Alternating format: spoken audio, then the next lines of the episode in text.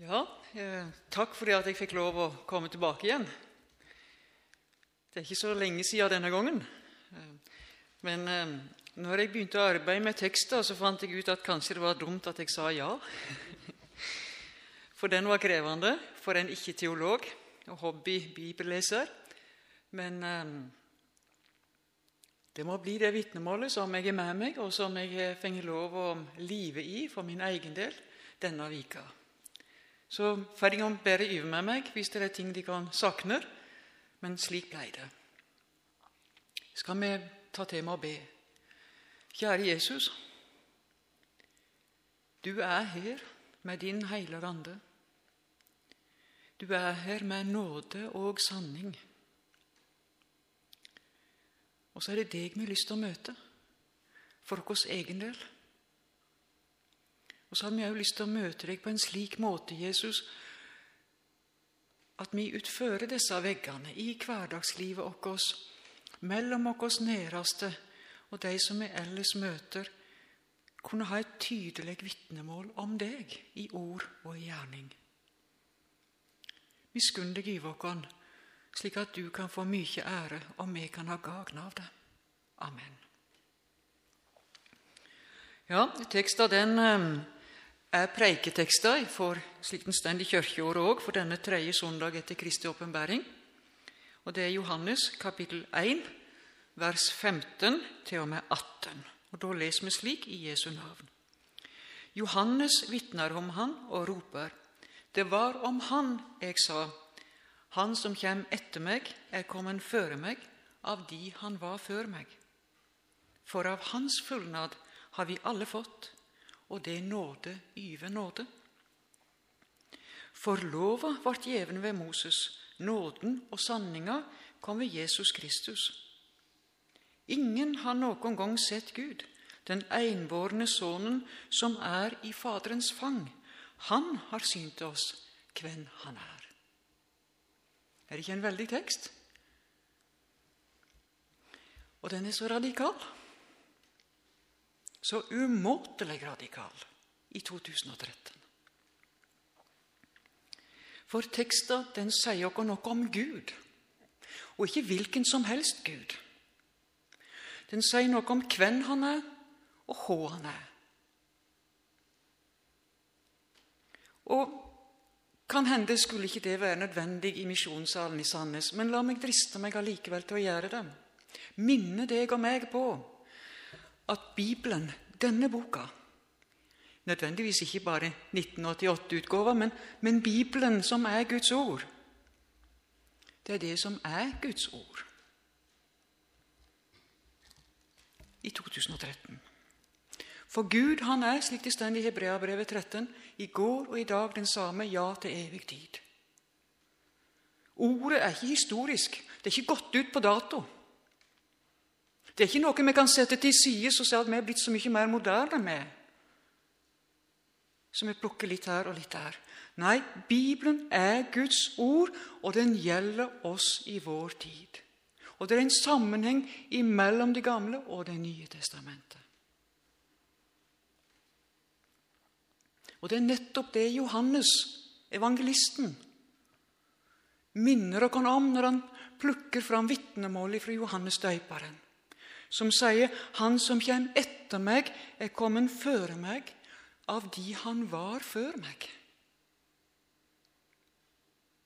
Han binder den evige Gud i himmelen til Jesus som står midt iblant deg.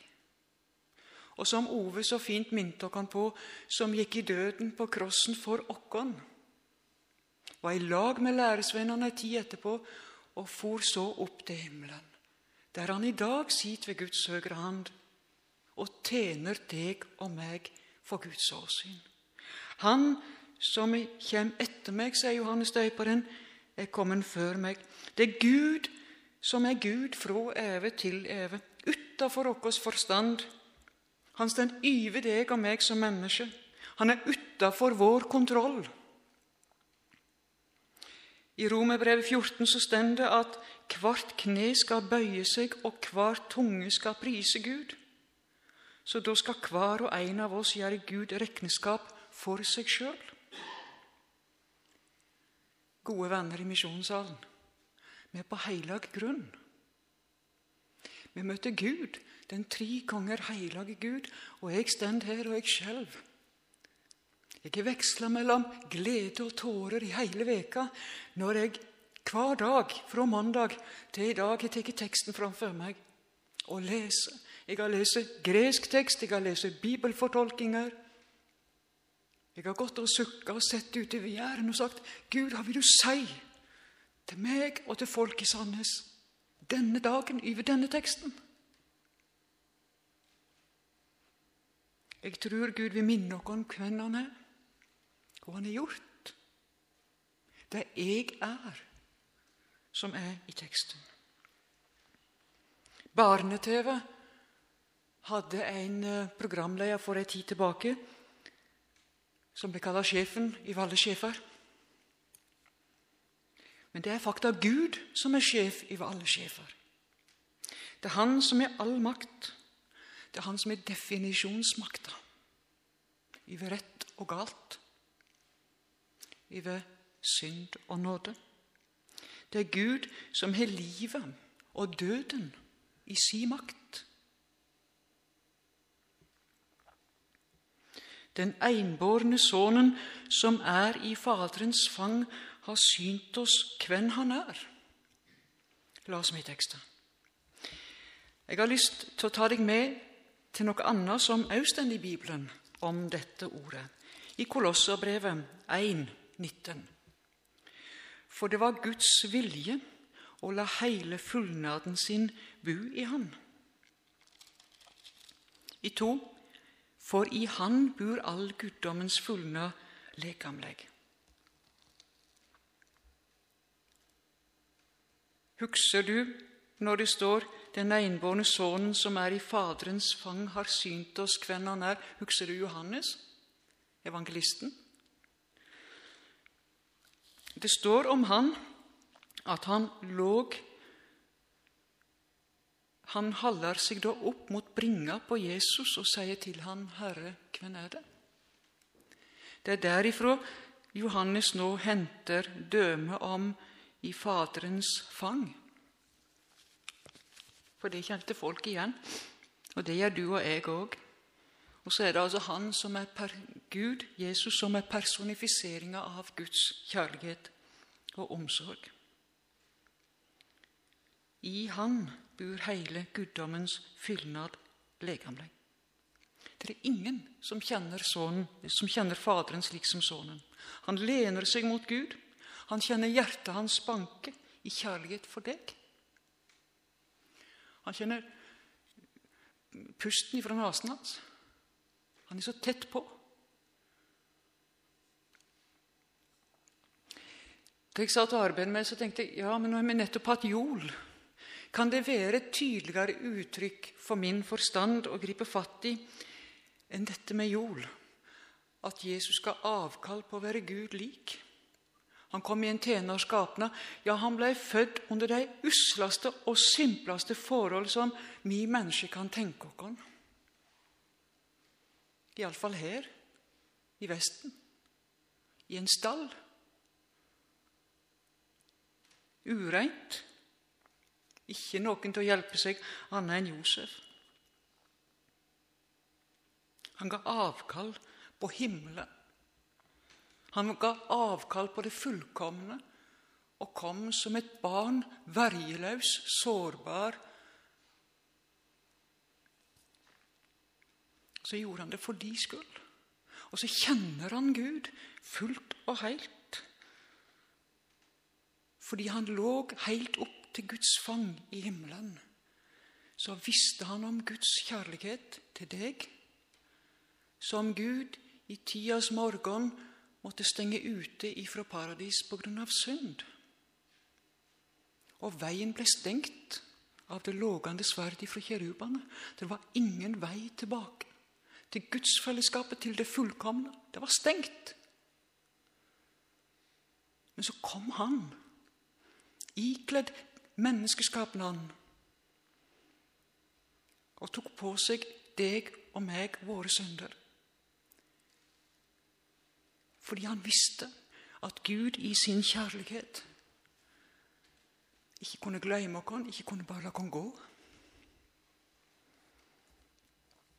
Bibelen sammenligner Guds kjærlighet med en mors kjærlighet. Og Den kan svikte, men ikke Guds kjærlighet, for den er fullkommen. Det er så fabelaktig. Jeg, jeg kjenner at bilder, tekstene i Bibelen det, det, sprenger sånn på at jeg nesten ikke finner ord for det for min egen del engang. For jeg, jeg, blir sittende i undring og si ja, men kjære Gud, er dette mulig? Er dette virkelig mulig at, at du gjør dette for min skyld? Jeg som er så full av svikt, som ikke klarer å le Ja, jeg er ikke kristelig på noe vis. For det er så mye som ikke høver i møte med Gud i mitt liv, i tankene mine, i kjenslene mine, i holdningene mine, i den jeg er. Og så gir Jesus avkall på å være Gud lik for å berge deg og meg for himmelen. Det er ikke fabelaktig. Kan vi ikke i misjonssalen òg da si halleluja for en slik budskap? Og glede oss og si det er jo helt ubegripelig. Og Her sitter vi en liten flokk i den store sammenhengen med denne budskapen. Og så er vi alvorlige. Vet du en ting som jeg syns er så framifrå? Det er at Jesus han han ikke bare kom. Han gikk ikke bare veien. Altså, det er feil å si 'bare', men forstå meg rett. Han gikk ikke bare veien til Golgata og tok på seg dine og mine synder og alt det vi er. Og la de fra seg og kvitterte ut. Så når Satan kommer med skuldbrev og sier ja, men hør, Margit, her er det noe, så kan han si ja, men det er kvittert, og så kan jeg få lov i Jesu navn og tegne et kors på det. For det er betalt. Men vet du hva det står i romerbrevet? Jo, han er i himmelen. Og Så lener han seg fremdeles inn til Guds fang, for det står han er ved Guds høyre hand, og så ber han for deg nå om at du skal berges for himmelen. At ikke noe makt i denne verden skal ta tanken og sinnet, kjenslene dine, holdningene dine til fange på en slik måte at du mister livet i Gud. Han vil berge deg for himmelen. Under hele vandringa går han med, og han ber. For du er tegna i begge hendene hans. Det står i Romerbrevet 8 at han ber for deg. Til og med Den hellige ande ber med useilige sukk.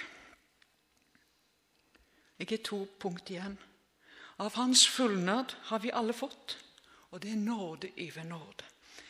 Jeg tenkte, Hva betyr dette? Jo, det var det med Kolossebrevet. Altså den lekamliggjøringa, det synlige uttrykket på Jesus. Det har vi fått.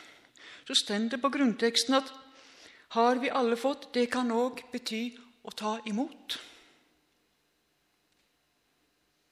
Og det er jo slik med ei gave. Hvis jeg skal gi Bibelen til Ove nå,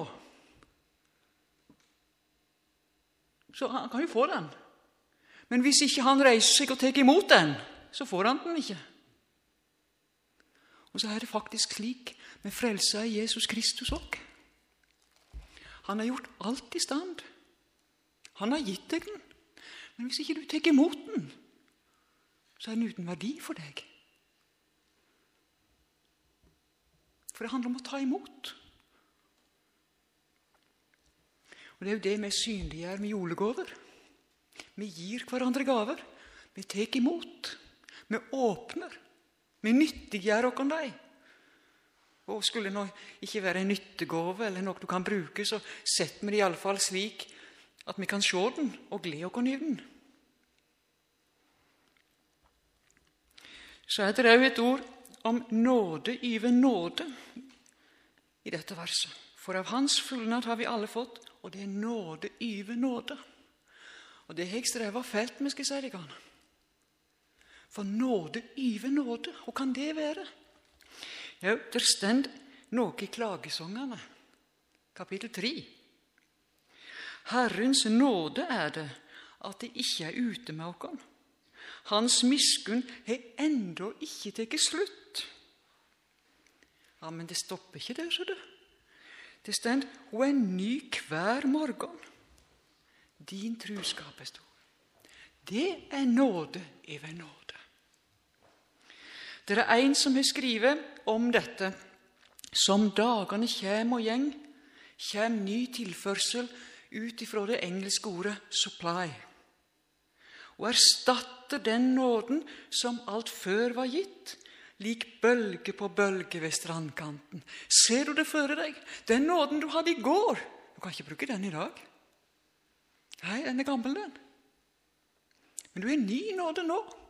For hvert sekund, hundredels sekund, tusendels, så det er ny nåde, akkurat som en bølge på strandkanten. Hva kommer? Den er ny hver morgen. Det er hver tid. Det er nåde yver nåde. Det er ikke flott? Bibelen er så rik på flotte bilder, på glede, på takknemlighet, og alt botner i dette ene. Gud elsker deg som om ingen andre var til. For du er den ene for Gud. Du er hans øynestegn. I en annen omsetning, som jeg òg har lest på et annet språk, så står det om dette uttrykket 'For av Hans fullnad har vi alle fått', og det nåde over nåde. At Gud er bunnløs, grenseløs lojal imot seg sjøl. Det er ingenting som kan pirkes borti når det gjelder Guds lojalitet, for den er usvikelig. Han har en integritet som sprenger absolutt alle menneskelige tankemåter og grenser, fordi han er Gud. Og Det syns jeg er så flott. At jeg bare må sette meg ned og si at ok, det er du som er Gud, så dette her vet du, dette her kan du. Så kan jeg senke skuldrene, og så har jeg ikke noe prestasjonspress på meg. For det er bare sånn. Gud har sagt det, og så er det sånn. Så trenger jeg ikke forklare det, og jeg trenger heller ikke å forsvare Gud, for det er sånn. Han står helt og fullt ved det han har sagt. Han viker ikke, han underslår ikke noe av det han har sagt. Korkje om synd eller nåde. Ingenting. Og det er, Jeg var så heldig jeg fikk lov å være på Norea før jul. og Da satt jeg og arbeidet med juletekstene. Og Da slo det meg gang etter gang noe som ble veldig alvorlig for meg, og det må jeg få lov å nevne her nå. Vi er så opptatt av å formidle til hverandre at Gud er kjærlighet og nåde. Gud tilgir alle våre synder. Og det gjør Gud. Og Gud er trufast i det, og han er lojal imot frelsesverket på Golgata. Men så er òg Gud lojal imot sitt eget ord når det gjelder det at dersom jeg snur ryggen til korset, ikke vil ha med Gud å gjøre, så kan faktisk heller ikke Gud svikte det ordet sitt. Og da sier han nei, her kan ikke du komme inn. Du vil ikke ha noe med meg i livet eller i døden. Du kan ikke komme inn. Fortapelsen, utestengelsen, den er også Gud klokkeklar på. Det er to veier. Vi må velge én. Vi kan ikke gå døve og blinde eller likesærlig gjennom denne verden. Vi må velge livet eller døden. Og vi kan heller ikke komme til døra og knytte neva mot Gud og si 'ja, men hør'. Nei, for det er Gud som definerer og bestemmer nåde og synd. Kjente at det måtte jeg si. Skal vi være tru imot ordet, så er det to veier. Og på én må du og jeg gå. Vi kan ikke gå på begge, for da forskrever vi oss. Og så blir det ikke noe av noe. Vi går fortapt. Enkelt og greit. Ordet sitt, lovnaden sin, har Gud konkretisert ved sønnen sin, Jesus Kristus. Og det er ingen skilnad på Faderen og Sønnen. Så jeg kom til det siste punktet, som er litt spennende fordi det henger Alt er spennende, men dette er også kanskje litt mer fordi det henger sammen med Gamle testamentet veldig tydelig. Jeg har ikke telt hvor mange ganger det sa jeg nå i dag når klokka var fem på ti og lurte på Å sann, der skulle jeg i grunnen ha telt og mange ganger det ordparet stend. Men det kan jo gi oppgave til noen av de andre, så kan de kan sende meg en SMS eller en e-post når de kan ha telt. Her står det For lova ble gjeven med Moses, komma. Nåden og sanninga kom ved Jesus Kristus. Og Det er et spennende ordpar nåden og sanninga. Det er et ordpar som jeg kjenner igjen fra Bibelen, annet andre Mosebok.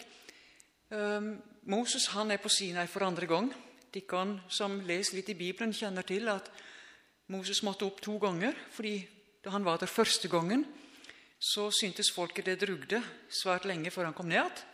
Så de uh, fikk Aron, til å, bror til Moses, til å lage en gullkalv, og så dansa de rundt den. Og da sa Gud at 'Hør, Moses, dette går ikke'. Så Moses han måtte ned igjen til folket, og han gikk da i rette med det. Han knuste steintavlene.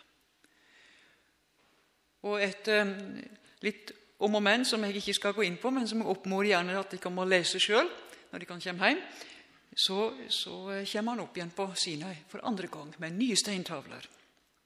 Og Da står det annet i kapittel 34, vers 6.: Herren gikk forbi andletet til Moses og ropa:" Herren, Herren, er en miskunnsam og nådig Gud, langmodig og rik på nåde og sanning. Og Det er altså et uttrykk rik på nåde og sanning som kommer igjen. Og Nå har jeg lyst til å spørre deg Når du hører det ordparet Av og til så sier vi i matematikkens verden for eksempel, at faktorenes orden er likegyldig. Eh, hva sier du her? Er det likegyldig om det står 'nåde og sanning', som det står i Bibelen, eller om det står 'sanning og nåde'? Kunne det stått det? Kunne det stått det?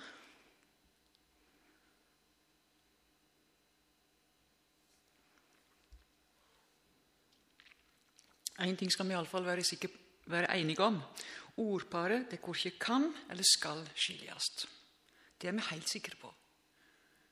Men er det like søtt om det står 'sanning og nåde' eller 'nåde og sanning'?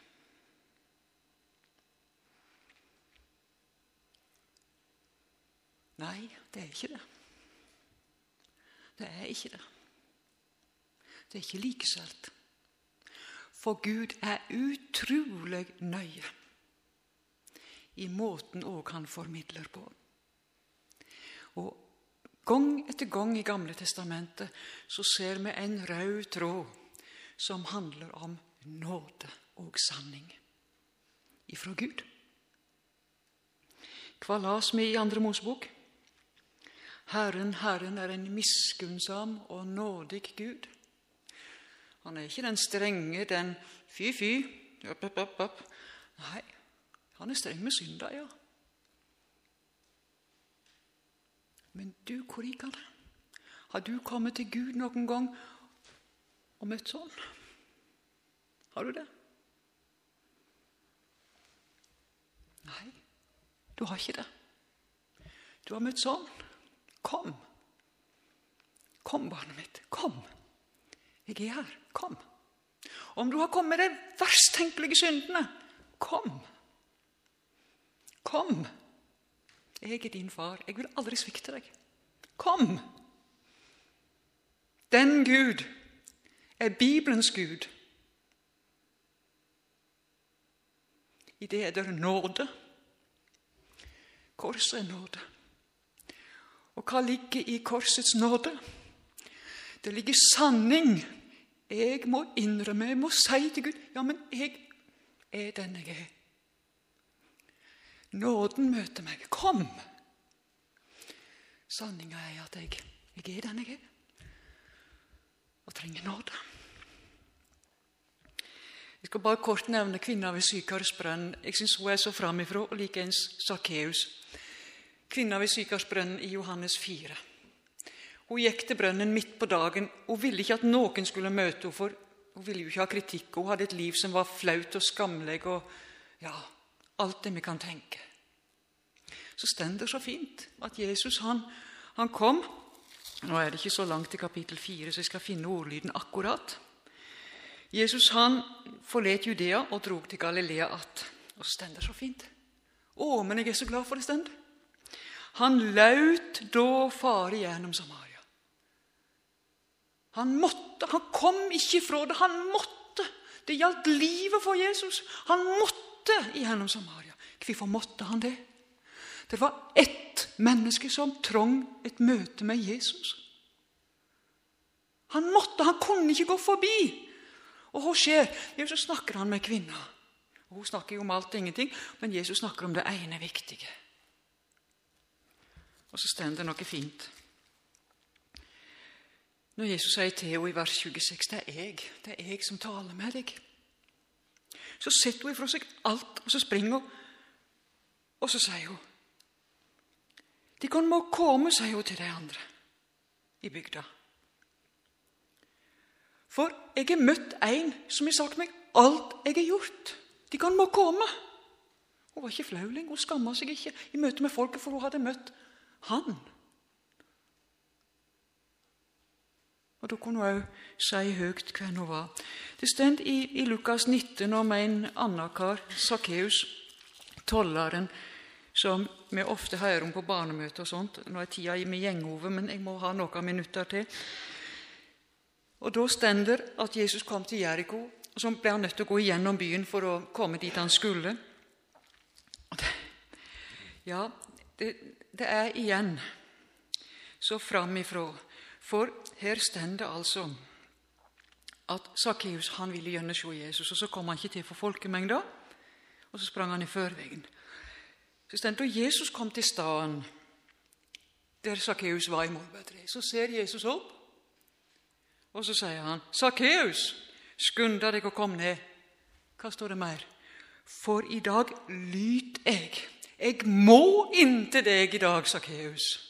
Jeg kan ikke gå forbi deg. Jeg må. Hva skjer? Sakkeus forter seg ned, åpner døra for Jesus og sier, 'Kom an, kom inn.' Og med en gang Jesus er kommet inn, så sier Sakkeus, 'Se, Herre, halvparten av deg er jeg.' kom erkjennelsen.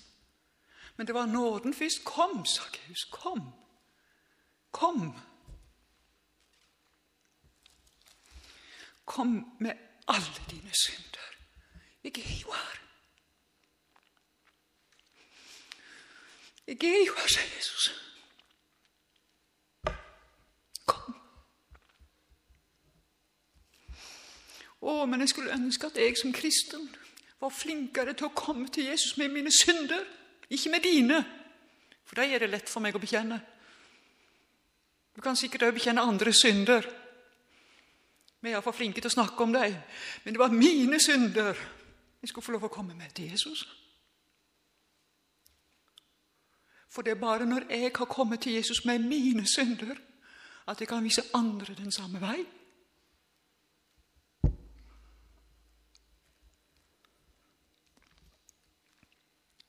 Nåden det er den ufortjente adgangen til Gud ved Jesus Kristus. Sanninga, hva er det? Det er at du og jeg trenger omvendelse for å komme i samfunn med Gud. Og den sanninga kom òg med Jesus Kristus. Snur med ordparet og sier 'sanning og nåde'. Da er ikke frelsa nåde. Da er det fortjeneste, og det er lovens vei.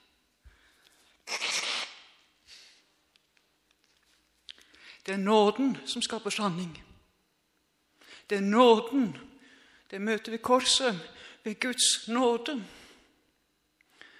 som gjør at jeg sier, 'Herre, jeg er en synder'.